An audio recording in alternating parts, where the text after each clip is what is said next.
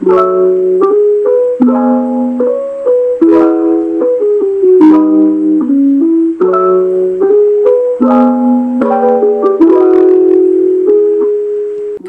მეგობრებო.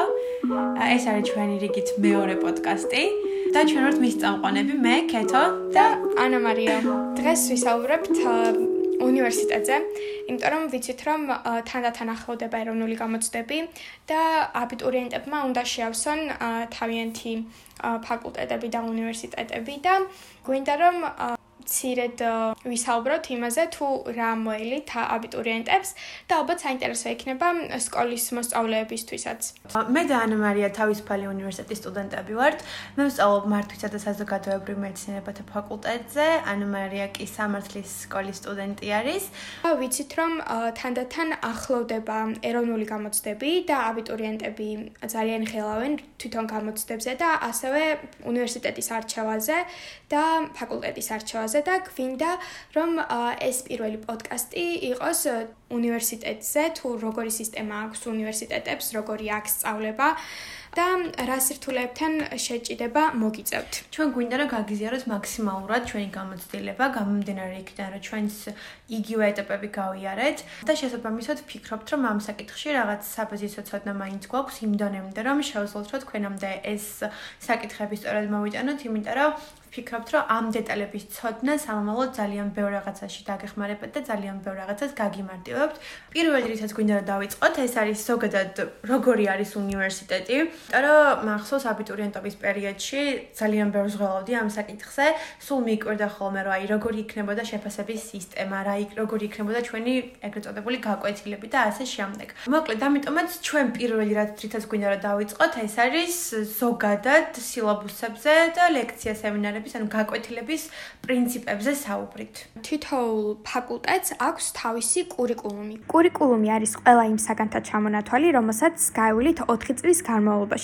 ხოლო სემესტრული გეგმა არის ამ საგნების განაწილება სემესტრების მიხედვით. პირველ სემესტრში ამ 8 საგანს გაივლი, მეორე სემესტრში 10 საგანს გაივლი და ეს ყველაფერი კი შეგიძლიათ ნახოთ უნივერსიტეტის გვერდზე, თითოეული ფაკულტეტის მიხედვით, იქ არის ყველაფერი გაწერილი, ყველაფერი ჩამოთვლილი. ამიტომ თუ ამ კონკრეტულ ჭრილში დაგაინტერესებთ ინფორმაციის მიღება, უნდა გახსნათ კურიკულუმი. ხოლო თუ კი განაწილება გაინტერესებთ, მაშინ სემესტრული გეგმა. თუ ვერ არჩევთ უნივერსიტეტს და მაგრამ გაქვთ არჩეული ფაკულტეტი, მაშინ ძალიან დიდი რჩევა იქნება, რომ გადახედოთ თითოეული უნივერსიტეტის კურიკულუმს და ამის მიხედვით შეაფასოთ თუ რომელი რომელ უნივერსიტეტს მიენიჭებთ უპირატესობას. გამომდინარე იქიდან, რომ ყველა კურიკულუმი განსხვავებული არის, შეიძლება რაღაც საბაზისო დონემდე საგნები იყოს რაღაც ერთნაირი, თუმცა შეიძლება რომელიღაცა უნივერსიტეტში თქვენთვის უპირატესი იყოს იმ სხვა საგნების ჩამონათვალი, რომელიც მას კურიკულუმში ექნება მოცემული. ამავდროულად, სემესტრული გეგმის და კურიკულუმის გარდა არის ერთ-ერთი ყველაზე მნიშვნელოვანი კომპონენტი ამ ყოველფრის, ეს არის სილაბუსები. სილაბუსი ეს არის თითოეული საგნის გაწერილი გეგმა, თუ რომელ კვირაში რა რა თემებს გაივლი, რა ციგნები იქნება წასაკითხი, როგორ იქნება განაწილებული ამ საგანში შეფასების სისტემა და ასე შემდეგ. სილაბუსი ასევე აღწერს თვითონ საგნის მიზანს, რას შეისწავლი ამ საგანში, რას მოგცემს. ყველა სახის ინფორმაცია არის იქ მოცემული, ანუ მაგალითად ხშირად არის ხოლმე შემთხვევები, რომ ყველა საგანი ერთმანეთისგან განსხვავდება შეფასებითი სისტემით, ანუ ეს ყველაფერი სილაბუსებში არის კარგად მითითებული და კარგად გაწერილი, ანუ თქვენ ყველა ლექციაზე არავინ არ გეტყვით დავალება რა გაქვთ და ყველა ლექციაზე და ყველა ამას სემინარზე არავინ არ გამოგეგზავნით თქვენ ასე თქვა დავალებებს რომელიც თქვენ უნდა გააკეთოთ. არამედ ეს ყველაფერი არის თქვენზე დამოკიდებული უნდა გახსნათ ეს სილაბუსი და კვირების მიხედვით აი მაგალითად პირველი კვირის პირველი ლექცია. ეს ყველაფერი არის მოცემული სილაბუსში და იქვე წერია დავალებების გრაფში თუ რა გექნებათ ხოლმე დავალება. ასე შეგიძლიათ მოიქცეთ მანამ სანამ ჩააბარებთ უნივერსიტეტში ან ის საგნები ნახოთ საიტზე რომელსაც გაივლით და შესაბამისად ანუ ამ სილაბუსების მიხედვით უნდა მივყვეთ თქვენ ამ დავალებების სისტემას და ასე შემდეგ. რაც შეეხება შეფასებითი სისტემის კომპონენტს, ყველაფერი არის გაწერილი სილაბუსში. ზოგადად უნივერსიტეტში არის 100 ბალიანი სისტემა. და ეს 100 ქულა უნდა დააგროვოთ მთელი სემესტრის განმავლობაში. ეს 100 ქულა როგორ იქნება გაწერილი, ეს არის დამოკიდებული თვითონ ლექტორზე. შეუძლია თქვას, რომ ამასიდან თქვათ 20% ან 20 ქულა იწერება პრეზენტაციაში, დანარჩენი 20 ქულა რაიმე შვალედურ გამოცდაში, თქვათ დანარჩენი 30 ქულა საშინაო დავალების გაკეთებაში. ანუ მნიშვნელოვანი არის, რომ გაიაზროთ ის ფაქტი, რომ სკოლისგან განსხვავებით აქ ყველაფერი ქულების შეფასებები ყოველდღიურად არ გეწერებათ. გააჩნია საგნის სპეციფიკას. არის საგნები, რომლებიც მაგალითად დასწრებაში და აქტიურობაში გიწერენ ქულებს, ისევე როგორც სკოლაში ხდება ხოლმე ეს და თუმცა შეფასებითი კომპონენტი 10 ქულიანი მაინც არ არის. ეს შეფასება შეიძლება იყოს ქულა ნახევარი ყველა სემინარზე და ყველა ლექციაზე, თუმცა არის ხოლმე ისეთი საგნები, რომლის შეფასების სისტემაც რაც გულისხმობს, რომ აი პრეზენტაცია ამ ერთი სემესტრის მანძილზე რომელიმე კვირაში უნდა გააკეთო. დავალებები რომელიღაცა კვირაში უნდა დაწერო. ამიტომ ეს თქვენი 100 ქულა ნაწილდება მთელ სემესტრზე. კი და და გაითვალისწინეთ, რომ არ გექნებათ ნიშნის გამოსწორების შესაძლებლობა. თუ თქვათ პრეზენტაცია პრეზენტაციისთვის იყო გათვალისწინებული 20 ქულა და თქვენ ჩააბარეთ პრეზენტაცია 15 ქულაზე, ის 5 ქულა არის დაკარგული და თქვენ თუ თქვათ დანერჩენ კომპონენტებში სკოლაში მაქსიმალური ქულა აიღეთ, თქვენ გამოყვება 95 ქულა. როგორც სკოლაში არის გადასალახი ბარიერი 5 ქულა, ასე არის უნივერსიტეტშიც, უნდა აიღო აუცილებლად 51 ქულაზე მეტი. თუ 51 ქულაზე ნაკლები მიიღე, მაგრამ 51 ქულაზე მეტი გაქვს დაგროვებული, შენ გაქვს ერთი შანსი, რომ გამოცდა ჩააბარო თავიდან და დააგროვო შესაბამისი ქულა. ამას უწოდებთ FX. და თუ ვერ გადაალახე 51 ქულა, მაშინ შეგეტენება საგანი და მოგიწევს რომ თავიდან გაიარო ეს საგანი. ანუ საგან დავალიანებული იქნება და ეს ყველაფერი ავტომატურად გექნება თავიდან გასავლელი, ანუ კრედიტები გექნება თავიდან ასაღები. ანუ ზოგადად ლექცია არის, სადაც ლექტორი ლაპარაკობს და გიხსნით რაღაცებს, სემინარი არის, სადაც თქვენ უკვე ლექციაზე ახსნილი მასალა კეურნა ჩააბაროთ, არამედ ინტერაქციული ტიპის იქნება და გამოკითხვები იქნება. თუმცა უნდა განიხილოთ, პრობლემებზე უნდა ისაუბროთ. რომ სახელმწიფო უნივერსიტეტებში არის ხოლმე გამოკითხვის სისტემა, ანუ ეკითხებიან კონკრეტულად წაკითხული მასალიდან კითხვებს და ამით იწერება ქულა. სემინარზე ზოგიერთი საგანი არის, რომ აქტიურობაში იწერება ქულა. ქულები და უნდა დააგროვო ეს ქულები სემესტრის განმავლობაში. თუმცა ზოგი საგანი არის, რომელიც ამ აქტიურობის ქულას არ წერს და გაქვთ მხოლოდ მხოლოდ შეფასებითი კრიტერიუმი, შუალედური და ფინალური გამოცდები. ეხლა ეს კონკრეტული რას ნიშნავს? ანუ შუალედურ გამოცდას, იმიტომ ქვია შუალედური გამოცდა, რომ არის სემესტრის შუაში. უნივერსიტეტში სასწავლო სისტემა დაყოფილი არის სემესტრებად და ყოველ სემესტრში გადიხართ სხვადასხვა რაოდენობის საგნებს. თითოეული სემესტრი არის ერთი და იგივე ხანგრძლივობის და არც თქვათ სახელმწიფო არდადეგები ან სააღდგომო არდადეგები არ ყოფენ სემესტრს შუაში. თავისუფალ უნივერსიტეტში თითოეული სემესტრი არის 16 კვირიანი. განსხვავება ის არის მხოლოდ რომ ჩვენი უნივერსიტეტი მაშინ რაც ჩვენ შუალედური გამოცდები გვაქვს მაგ დროს სწავლას ვაგრძელებთ ან დასვენებები არ გვაქვს, თუმცა სხვა უნივერსიტეტებში არის ხოლმე რომ ეს კვირების რაოდენობა უფრო ცოტა არის გამომდინარე იქიდან რომ შუალედურები და ესა შუალედური გამოცდების დროს აქვთ დასვენებები და გამოცდების მასწავლებლად აქვთ თავისუფალი დრო. სკოლაში როგორც გახსოვთ ან როგორც იცით, გაკვეთილები არის ერთმანეთზე ერთმანეთზე მიყოლებით 9-ზე თუ იწყება სკოლა, იცით რომ 3-ზე დაამთავრებთ და ამ 3 საათის განმავლობაში ერთდროულად ერთმანეთის მიყოლებით ჩაგიტარდებათ საგნები. უნივერსიტეტში არ არის აუცილებელი რომ 9 საათზე გეწყებოდეთ ლექციები. მე მაგალითად ერთ დღეს 10-ზე მეწყება, მეორე დღეს 12-ზე და შესაძლებელი არის რომ ლექციებს შორის მქონდეს ფანჯარა 1 საათიანი ან 2 საათიანი დასვენება. ანუ არ არის ერთმანეთზე მიყოლებული ეს ლექციები. და ასევე აღსანიშნავია ძალიან სამწუხარო ფაქტი, რაც არის შაბათს სწავლა. ფაქტობრივად მე შაბათი დღე არ მაქვს. ხო. თუმცა არის მაგალითად კურსები, სხვა სხვა ფაკულტეტები უფრო სწორად, რომლებიც შაბათს სწავლობენ, მაგრამ მაგალითად კვირა და ორშაბათი ისვენებენ და ასე შემდეგ. თუმცა ანა მარიას ეს ბედნიერება არ აქვს. რაც შეეხება ზოგადად ლექციების ხანგრძლივობას, ანუ აქ 45 წუთიანი აღარ არის, არის უკვე 1 საათიანი, შეიძლება იყოს 2 საათიანი და 3 საათიანი ლექციაც. გააჩნია რომელი საგანი არის და რამდენი კრედიტი აქვს გათვლილი და რა და რა სპეციფიკის. ეხლა კრედიტებს რაც შეეხება, ძალიან ბევრჯერ ვახსენეთ კრედიტები და ბარემ უცებ მიმოვიხილ სახელოთ. თითოეული კრედიტი გამოითვლება იმის მიხედვით, თუ რა დროს ჭირდება სტუდენტს ამ საგნის მოსამზადებლად. ზოგი საგანი შეიძლება იყოს 2 კრედიტიანი, ზოგი შეიძლება იყოს 7 კრედიტიანი.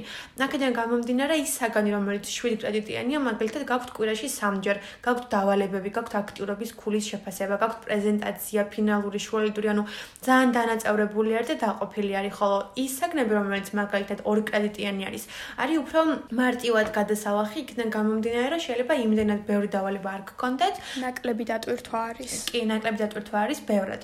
და ესე აგროვებთ ამ 240 კრედიტს, რომელიც საბოლოოდ საბაკალავრო ხარისხს მოგაპოვებინებთ. კრედიტების განაწილებას რაც შეეხება მაქსიმალური რაოდენობა რაც არის, არის 75 კრედიტი წელიწადში. ეს არის კანონი სახელმწიფოს მიერ. ხო, გამომდინარე იქიდან, რომ 240 კრედიტი არის საბაკალავროზე გათვლილი და 75 რო არ ყოფილიყო შეზღუდვა, მაშინ თქვენ შეგეძლოთ, რომ ეს 240-ვე მაგალითად 3 წელში გაგევლოთ და 3 წელში დაგემთავრებინათ უნივერსიტეტი და ეს რო არ მოხდეს, აქედან გამომდინარე ხდება ამისი პრევენცია. კიდევ გვინდა რომ გესაუბროთ უნივერსიტეტების რესურსებზე, იმ იმიტომ რომ ეს ფაქტი არის ძალიან მნიშვნელოვანი და ძალიან საინტერესო. ნამდვილად. ამას წინათ რაღაც საგნისთვის მე მჭირდებოდა ბიუჯეტის ნახვა თუ როგორ ნაწილდება სახელმწიფო ბიუჯეტი და ზუსტად პროპორციები და რიცხვები არ მახსოვს, მაგრამ თქვათ სკოლისთვის არის გამოყოფილი 1 მილიონის, უნივერსიტეტისთვის 1 მილიარდი არის გამოყოფილი, ანუ გაცლებით უფრო დიდი რესურსი იხარჯება უნივერსიტეტებში. კი, თუმცა მაინც ყველაზე ესეთი შთამბეჭდავი ის ფაქტი არის, რომ აი სკოლისგან განსხვავებით, როცა უკვე სულ ერთ სივრცეში იყავი ჩაკეტილი და რაღაც ანუ ძალიან ვიწრო წრეში ვიყავით ხოლმე, თუნდაც იმ კლასის ფარგლებში, ეხა არის ძალიან დიდი სალექციო აუდიტორიები, რომელიც აღჭურვილი არის მაღალ ტექნოლოგიური ინფრასტრუქტურით, როგორც არის მაგალითად საკმაოდ კარგი ხარისხის მონიტორები, არის პროექტორები და ანუ ეს ყველაფერი საკმაოდ კარგ სასწავლო გარემოს ქმნის, არის დიდი ბიბლიოთეკები, რომლებიც მართლა საკმაოდ საკმაოდ დიდი დატვირთვით მუშაობდა სანამ კოვიდი იქნებოდა იქიდან გამომდინარე რომ თითქმის თელი სტუდენტი სტუდენტური ალიანსი ბჭყალებში იქ იყიდა ხოლმე თავს. გამომდინარე იქიდან რომ საკმაოდ კარგი გარემო არის ხოლმე სასწავლად. ყველა უნივერსიტეტს აქვს რაღაც სხვადასხვა კლუბები, სხვადასხვა მაგალითად კალათბურთის სათამაშო მოედნები, დარბაზები. დარბაზები კი, ეს ყველაფერი არის საკმაოდ დიდ რესურსებთან კავშირში და სკოლის შემდეგ ეს სიტუაცია რადიკალურად განსხვავებული არის და მართლაც რომ შთამბეჭდავია. ასა ინტერნეტი არის უფასო ყველა სტუდენტისთვის. აა და კორპორაციული მეილები. ლექტორებთან გაქვთ ურთიერთობა ინტერნეტის და მეილის საშუალებით. შეგიძლიათ ნებისმიერ დროს მიწეროთ რაიმე პრობლემა თუ გაქვთ რაიმე დავალებასთან დაკავშირებით. დავალ დავალებებს საერთოდ უგზავნით მეილზე და ყველა უნივერსიტეტს აქვს თავისი კორპორატიული მეილი. ეს კორპორაციული მეილები გირიქდებათ უნივერსიტეტში, როცა მიდიხართ რეგისტრაციაზე, მაშინ გიგზავნიან მე ყველაფერს და ამის მიხედვით გადიხართ რეგისტრაციას. კორპორაციულ მეილებს ბოლოში აქვს თქვენი უნივერსიტეტის ნიშნული, ასე ვთქვათ, ანუ ჩვენი არის ფრიუნი აა სხვა უნივერსიტეტები შესაძლოა სახელების მიხედვით. აქედან გამომდინარე, თქვენ შეგეძლიათ რომ მაგალითად მონიშნოთ რომელიღაც კონკრეტული ფაკულტეტი და ერთიანად გაუგზავნოთ მათ შეტყობინება, მაგალითად მართვის ფაკულტეტი, თავისუფალი უნივერსიტეტი და კორპორაციულ მეილზე თქვენ ეს ყველაფერი სიები არის შეყვანილი და უფრო მარტივი არის და გამარტივებული არის კომუნიკაცია. რაც შეეხება ელექტროჟურნალს, იმ საიტზე, რომელსაც MSC ქვია ჩვენ შემთხვევაში, სხვა უნივერსიტეტების შემთხვევაში რაღაც სხვა სახელი აქვს, აქ შედის ყველა საგანი, რომელიც გაქვთ ნიშნების ფურცელში და ყველა რომელიც საგანი, რომელიც გაგიuliat არის მანდ და შეგიძლიათ რომ ნახოთ ყველა შეფასებით კომპონენტში რა და რა ქულები გქონთ მიღებული, ასევე იქ არის თქვენი პირადი მონაცემები, თქვენი GPA, GPA არის თქვენი საშუალო ქულა, GPA-ზე ვერ ვიტყოდი რომ ჩვენი კარიერა მაგაზე არის დამოკიდებული, მაგრამ საზღვარგარეთ თუ გინდათ სწავლა, მაშინ GPA ძალიან დიდი ყურადღება უნდა მიაქციოთ. ალბათ, ჩემმა ლექტორმა პირდაპირ გვითხრა რომ GPA-ს არასდროს არ ვაქცევ ყურადღებას, არასდროს არ მომითხოვია სტუდენტისთვის. ხო, ხაისთვის კი. ეს აუცილებელია უცხოეთში სწავლა თუ გინდათ, მაშინ ეს არის ერთ-ერთი ყველაზე მნიშვნელოვანი. და ზოგადად GPA რა არის, ანუ 4 არის მაქსიმუმი, 4-დან 0 GPA-ის და მაგის მიხედვით გამოითვლება, ანუ კრედიტებისა და თქვენი შეფასებების მიხედვით პროპორციით, ანუ GPA counter არის სპეციალური რაღაც პროგრამა, რომელიც ითვლის ამას, ცოტა კომპლექსური პროცესია, ამიტომ ამაზე ახლა ვერ ვისაუბრებთ დეტალურად. არც ვიცი მე როგორ გამოვიანგარიშო ჩემი GPA, თავისით ანგარიშობს ხოლმე საიტი და მაგის მიხედვით. იმიტომ საკმაოდ კომპლექსური არის. უნდა იცოდეთ, რომ უნივერსიტეტში სწავლა არის საკმაოდ რთული და ძალიან დიდ ძალისხმევას საჭიროებს. ბევრს იტირებთ. საკმაოდ ბევრჯერ იფიქრებთ უნივერსიტეტის მიტოვებაზე. ბევრჯერ გექნებათ ეგზისტენციალური კრიზისი, დეპრესიები, რაღაც ისეთი ფიქრები, რომ აი აქ რა მინდოდა, ან რატო, ან რა. ძალიან ნუნიჭო ვარ. ხო, ანუ მე ყოველთვის წარმატებ. და თქვენი კურსელები, რომლებიც მონდომებულები იქნებიან, ანუ ან რომლებმაც თქვენამდე გამოიერეს დეპრესია, ან თქვენ მერე გამოივლიან და თქვენ გგონიათ, რომ მათ არ ქონიათ ეგ პერიოდი და უბრალოდ ეხა მოტივირებულები არიან, გეგონებათ, რომ აი მათთან შედარებით თქვენ ძალიან ზარმაცად რაღაცა ვერებს ვერ აკეთებთ, ასე შემდეგ, ასე შემდეგ, თუმცა ეს ყველაფერი მაინც გადაივლის შეჩვევის და შეგუების პროცესი არის. მართლა არ არის ისეთი მარტივი როგორიც ყოველს გონია რომ აი სკოლას დავამთავრებ და მე მე ვიცი ეგრე არ არის იმიტომ რომ ორმაგად მეტი ძალისხმევა გიწევთ გაცილებით უფრო რთული არის ვიდრე სკოლაში. აი გამომდინარე იქიდან რომ ყველა საგანი რადიკალურად განსხვავებული არის და ეს რაღაცეები ამ რაღაცებთან ანუ შეხება არ გქონიათ მანამდე, ანუ და თითოეული საგანი ძალიან მნიშვნელოვანია და არ არის როგორც ხელოვნება და მუსიკა, რომ მიასამშაბათებ და ხო, იმიტომ რომ ყველაფერი სამომავლოდ სადღაც დაგჭირდება და ისეთი რაღაცები არის, რაც მართლა ყოველ დღიურად აუცილებელი არის რა ყოველდღიურ ცხოვრებაში. აქედან გამომდინარე უნივერსიტეტში სწავლა მარტივი არ არის და ჯობია რომ აქედანვე ამ ამისთვის მოემზადოთ და ის ძველი მითები რომლებსაც ჩვენ ბებიები და ბაბუები გვიყვებოდნენ რომ აი სტუდენტობაში რასაც მე ვერთობოდი ეგრე რა ვიციო ანუ ეს თვალ რეალობაც არ არის იმიტომ რომ კი გაერთობი კი რაღაცა გამოძიებნი დროს თუმცა ამის მერე ასანაზღაურებლად რაღაც ღამეების გაცანებაც მოგიწევს რითი არის განპირობებული ის, რომ უნივერსიტეტში ძალიან რთული არის სწავლა? ჩემი აზრით, ანუ ერთ-ერთი განმაპირობებელი არის თვითონ სირთულე დავალებების. გაქვს დასაწერი რეფერატები, რომელზეც უნდა იმუშაო მთელი სემესტრის განმავლობაში. ეს დაკავშირებული არის ძალიან სიღრმისეულ ძიებასთან, როგორც წიგნებში, ასევე ინტერნეტში, შენ საკუთარი აზრის ჩამოყალიბება რაღაც კონკრეტულ საკითხზე და ამაზე მსჯელობა, კრიტიკული ანალიზი, ასევე ძალიან ბევრი არის სასწაული. სკოლასთან შედარებით, სკოლაში თუ წუწუნებდნენ ბავშვები, ვაიმე ისტორიის გაკვეთილი ახლა 5 გვერდი არის, აქა დღეში მაქვს 200-300 გვერდი წასაკითხი, ნუ ახლა არავინ არ კითხულობს იმ 200-300 გვერდს, იმიტომ რომ ფიზიკურად შეუძლებელია ყოველ დღე რომ ამდენი წავიკითხოთ. მაგრამ ვცდილობთ მაქსიმალურად რომ რაც შეიძლება ბევრი წავიკითხოთ. თუმცა, ანუ ის რომ პირობითად მაგ 200-300 გვერდს ყველა ვერ კითხულობს, კონსპექტს მაინც ყველა კითხულობს და ეს კონსპექტი მინიმუმ 60 გვერდი მაინც იქნება. შეიძლება ან 70 ცოტა ღირებული კონსპექტი და ამიტომ ის ის რა რაღაცა 5 და 6 გვერდი ვაიმე რამდენია ეხა უკვე ეგრე არ არის. ერთ საგანში გაქვს ხოლმე რაღაცა 100 გვერდამდე ან ცოტა უფრო მეტი წასაკითხი და წარმოიდგინეთ რომ 8 საგანი გაქვთ. შეიძლება ყველაში ამდენი რაღაც საკითხავი არ გაქვთ მაგრამ იქ სხვა სპეციფიკის დავალებები გაქვთ და თუ კი რომელსაც საათები სჭირდება. კი. და ანუ ეს დავალებები არის სამსჯელო მართლა მოსაფიქრებელი ანუ ეს ერთიანად რო აიღო და დავალება აიკითხო და იმის მიხედვით დაწერო ეგრე არ არის. უნდა უნდა მოიძიოთ დამეტებითი ლიტერატურა ასე შემდეგ. ეს გაძლებით რთული არის და ბევრი დრო მიაქვს ძალიან. ხო, კიდე სახელმძღვანელოები. კი, ერთ-ერთი დამაბრკოლებელი ქართული სტუდენტებისთვის არის ის, რომ კარგი სახელმძღვანელოები არ არსებობს ქართულ ენაზე. გვიწევს, რომ უცხოური, ძირითადად ინგლისური სახელმძღვანელოებიდან წავიკითხოთ ტექსტები, რომლებიც არის საკმაოდ რთული ინგლისურად დაწერილი. აკადემიური არის და საკმაოდ რთულია. კი, თუმცა უნივერსიტეტში გაივლით აუცილებლად ინგლისურს, ანუ ლექციების ფარგლებში, იმიტომ რომ ყველა უნივერსიტეტის რუნა იმას, რომ თავიანთ სტუდენტებს ინგლისური ასწავლონ. მე პირადად ეხა მეორე კურსზე ვარ. რაღაც საგნები გვაქვს, ერთ-ერთი საგნი არის კავკასია და საქართველოს და ამ საგნის ფარგლებში გქონდა რაღაც ისეთი საკითხავები ინგლისურ ენაზე, რომელიც საკმაოდ პირადად ჩემთვის რთული აღმოჩნდა. თუმცა კარგი არის იმ ხრივ, რომ ანუ ენასაც კარგად უფრო დახვეწავთ, რაღაც ახალ სიტყვებს ისწავლით, რაღაც რაღაც, თუმცა მაინც ძალისხმევასთან არის დაკავშირებული, რომ გაცილებით მეტი დრო გეხარჯება, ვიდრე ზოგადად უნდა გეხარჯებოდეს. მართალი არ არის ის ფაქტი, რომ უნივერსიტეტში იმას ისწავლი, რაც სინამდვილეში გაინტერესებს. მე ვსწავლობ სამართლის სკოლაში. მინდა რომ გავყვე სამოქალაქო სამართალს, ვთქვათ, კერძო სამართალს და მიწევს ვისწავლო სისხლის სამართალი, ადმინისტრაციული სამართალი, რომელიც შეიძლება რაღაცაში გამომადგეს, მაგრამ ამ კონკრეტულ სფეროს არ ეხება.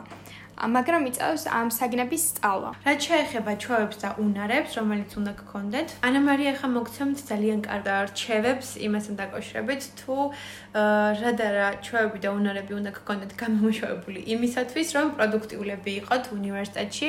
ყველაზე მნიშვნელოვანი არის დროის მენეჯმენტი. და პროკრასტინაციისაგან თავის არიდება. მაქსიმალურად რა. ხო, ნამდვილად, იმიტომ რომ ზოგადად ანუ უნივერსიტეტში ის არის ყველაფერი დაალაგებული და აწყობილი, რომ თუ კი ერთ რაღაცას ჩააგდებთ, მე უკვე გიჭერთ რა, ანუ ყველაფერი არის ჯაჭვურად ერთმანეთზე გადაბმული. აა და მე უკვე წინა გამოცდის წინა დღეს ყველაფერს მეცადინება ერთად არ შეიძლება, იმიტომ რომ ფიზიკურადაც ვერ ჩაატევთ ამდენ მასალას, ვერ დაიმახსოვრებთ. და ამიტომ მნიშვნელოვანია რომ პირველ რიგში აი ყველაფერს მიიყვეთ შვიდად სილაბუსის მიხედვით, კვირების მიხედვით, რომ აი ჯობია რომ დღეს წაიკითხოთ 40 გვერდი, ვიდრე ზეგ წაიკითხოთ 150 გვერდი რა. და ამას შეიძლება ესე მარტივად ვამბობდე, მაგრამ პირადი გამოცდილებიდან გეუბნებით, რომ ეგრე ჯობია, იმიტომ რომ პირველ კურსზე სანამ ანუ ამ რაღაცა უნარებს და რაღაცებს გამოვიმუშავებდი და სანამ კვირებზე გავანაწილებდი რაღაცებს, აი მოვიტოვებდი ხოლმე ბოლოსკენ და საბოლოოდ ეს საკმაოდ რთული იყო. ფატალურად სრულდებოდა. ფატალურად სრულდებოდა, დიახ. დროის მენეჯმენტთან ერთად ასევე ძალიან მნიშვნელოვანია ის, რომ უნივერსიტეტის გარეთ გქონდეთ რაღაც აქტივობები, თუნდაც ვაჯიში, ვარჯიში დაგეხმარებათ ძალიან, იმიტომ რომ მთელი დღე გიწევთ ჯდომა, მეცადინეობა, ლექციებისთვის მოსმენა და მუდამ ჯდომით რეჟიმში ხართ და ვარჯიში მეხმარებათ ძალიან განტვირთვაში და გონების გასუფთავებაში.